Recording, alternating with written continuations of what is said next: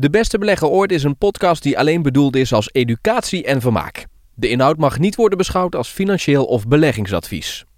Goed dat je weer luistert naar De Beste Belegger Ooit. Mijn naam is Tom Jess. Ik spreek met André Brouwers in elke aflevering van het Beleggingsinstituut. We hebben heel veel vragen gekregen en we zien dat ook op eh, de site. Ja, wat is nou eigenlijk beleggen en hoe werkt dat precies? Dus uh, vandaar dat we deze aflevering helemaal in het teken plaatsen van, nou ja, eigenlijk de belangrijkste vraag. Waarom, André, zou je beleggen? Uh, nou ja, dat is inderdaad een hele belangrijke vraag. En het is opvallend dat er heel weinig mensen zijn die eigenlijk uh, nadenken, terwijl ze wel het geld hebben, en nadenken over wat ze eigenlijk met hun geld moeten doen. Hè? Dus we stoppen altijd heel veel energie om een euro te verdienen, zeg ik altijd. Maar vervolgens willen we geen energie meer stoppen in het antwoord op de vraag: wat ga ik met mijn euro doen die ik verdiend heb? En dat is zowel voor jonge mensen, is dat een heel belangrijke vraag. En uh, daarnaast, uh, naarmate je wat meer op leeftijd komt, krijg je over het algemeen wat meer vermogen, wat meer geld. En wordt die vraag eigenlijk steeds belangrijker. Uh, maar eigenlijk zou je al van jongs af aan na moeten denken, waarom moet je überhaupt beleggen? Nou, er is maar één reden voor. Dat is namelijk dat geld uiteindelijk zijn waarde verliest als gevolg van inflatie. De prijzen stijgen. En als je maar lang genoeg wacht, wordt het leven duurder. Hè? Uh, 50 jaar geleden kocht je een huis voor, uh, laten we zeggen, 100.000, uh, nou 50 jaar geleden, ja, nou, misschien 100.000 gulden.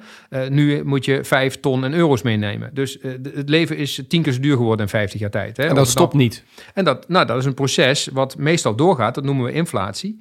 We hebben wel eens landen, in dit geval zoals Japan, waar je ook te maken hebt met deflatie. Dus daarin zie je dat de economie niet meer groeit. Japan vergrijst, er zit geen groei meer in de economie, prijzen nemen daar af of staan stil en dat noemen we deflatie. Maar over het algemeen zien we in de westerse wereld, waar wij mee te maken hebben, dat de prijzen stijgen. Nou, als prijzen stijgen, wordt je geld minder waard. Simpel. Dus moet je rendement maken met je geld.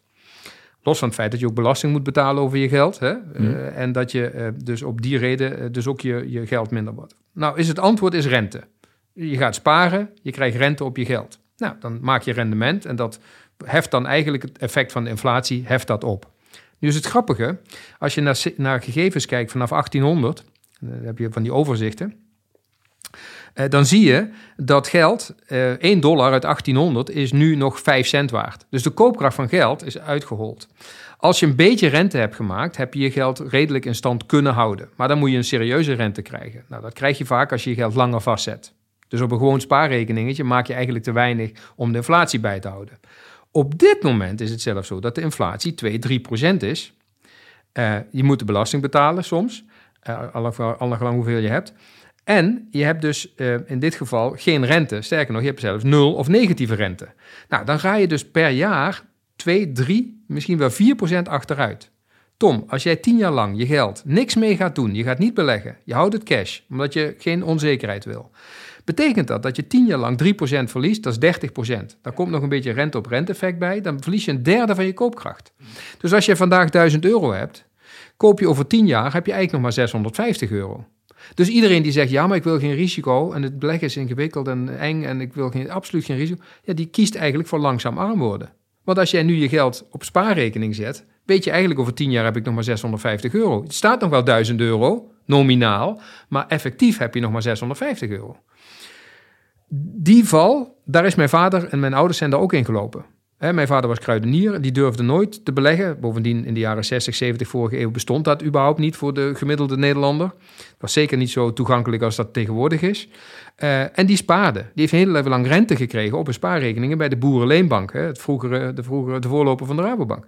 Maar uiteindelijk, na 30, 40 jaar hard werken, had hij niks. Ja, had zijn spaarrekening, maar hij kon er feitelijk niks meer verkopen, want die inflatie had hem ingehaald. Dus waarom moet je beleggen? Omdat je, je moet zorgen dat je rendement maakt op je geld. Mm. Dus het is ook in stand houden van koopkracht? Ook. In stand houden, gewoon je, je koopkracht behouden. Ja. Dat, is, dat is het eerste wat je moet doen. Nou, het zou dan lekker zijn als je iets meer rendement maakt, dat je, zelfs je, dat je zelfs je vermogen laat groeien. Dat zou helemaal fijn zijn probleem op dit moment is dat je, omdat je geen, het sparen is eigenlijk een no-go, want je krijgt geen rente meer. Dus ja, dan moet je bijna wel, word je bijna gedwongen om te gaan beleggen. Hè? En ik vind dat een slechte keuze. Je moet niet gedwongen worden om te beleggen. Je moet met, met bewustwordingsproces moet je zeggen, ja, maar ik moet gaan beleggen. Je moet altijd beleggen. Of de rente nou 1%, 2%, 5% is of 0% is. Beleggen moet je eigenlijk altijd doen. En het liefst zo snel mogelijk, zo vroeg mogelijk. Want wat je ook ziet in de statistieken is, als jij gaat beleggen, bijvoorbeeld in aandelen, dan heeft dat gemiddeld genomen de afgelopen 200 jaar, als je dat terugrekent, zo'n 6 à 7% rendement gemiddeld opgeleverd. Nou, als jij dus je geld gemiddeld 6, 7 procent per jaar zou kunnen laten groeien, ja, dan is er geen betere bestemming voor je geld dan in aandelen. Als je dat in goud had gedaan, substantieel minder. Eh, echt substantieel minder. Als je dat in obligaties had gedaan, was ook leuk geweest. Had je 3, 3,5% gemaakt, maar de helft. Maar als je dan over een langere periode 3% maakt of 6% maakt, dat scheelt aan het einde van de rit enorm veel. Want dat is wat Einstein altijd genoemd heeft het achtste wereldwonder, het rente-op-rente effect. Mhm. Je krijgt dus- eigenlijk steeds meer rente over een groot gedeelte van je geld. Ja, want je begint met 100 en een jaar daarna heb je 106. Maar dan krijg je 6% over 106. Ja, daarna is het 112, maar dan krijg je 6% over 112. En zo groeit dat door. Het sneeuwbaleffect. Exact, een sneeuwbaleffect. Die bal wordt steeds groter. Nou, hoe, langer het, hoe, langer het, hoe hoger de heuvel is, hoe langer de tijd, hoe groter de bal is. Heel, heel mooi voorbeeld, Tom. Um, dus, dus dat is belangrijk. Dus je moet je geld in stand houden. Wat nou het vervelende is, dat mensen van alles door elkaar halen. Hè? Want beleggen en handelen en crypto's en sparen, dat loopt allemaal door elkaar heen. Want het een heeft totaal niets met het ander te maken. Dus op het moment dat mensen zeggen: Ik wil mijn geld niet kwijt en ik wil zekerheid. en je kiest nu voor sparen, dan zeg ik prima. Als je dan maar realiseert dat je dan nu bewust armer wordt voor de komende tijd. Prima dat jij denkt dat dat zekerheid biedt, maar als je rationeel nadenkt, word je armer. Dus de vraag is: is dat verstandig? Het antwoord is nee. Doordat de rente nu in één keer naar nul is gezakt, begint iedereen, wordt iedereen in één keer onrustig. En worden die financiële instellingen, die gaan jou bellen en zeggen... hey Tom, jij moet ook wat. Ja, dat snap ik. Dat is op zich een goede beweging, dat iedereen na gaat denken... je moet wat. Maar eigenlijk is het grappig, want ook tien jaar geleden moest jij wat. En ook twintig jaar geleden moest jij wat. Jij moet altijd wat. Dat heeft niks met de rente te maken. Want de statistiek is duidelijk. Ook al krijg je rente, dan nog hou je de koopkracht niet op peil. Punt.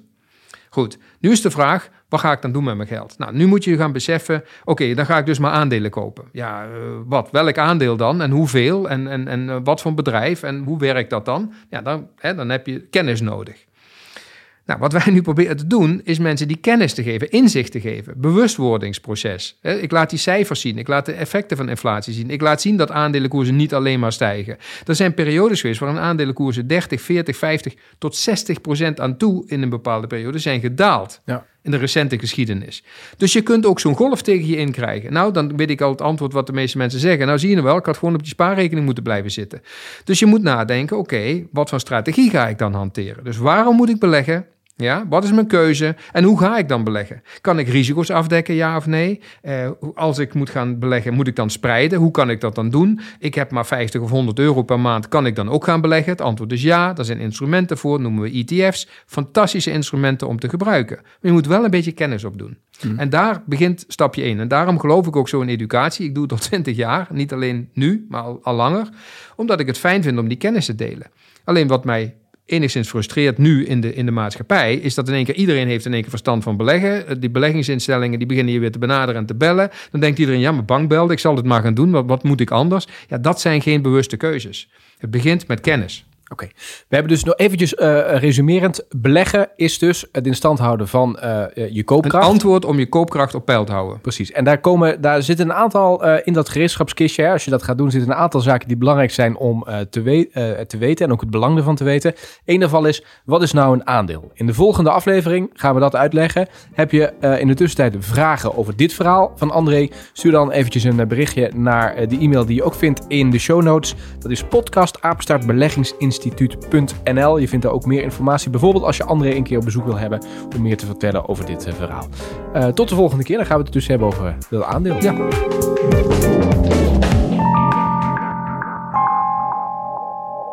De Beste Belegger Ooit is een podcast die alleen bedoeld is als educatie en vermaak. De inhoud mag niet worden beschouwd als financieel of beleggingsadvies.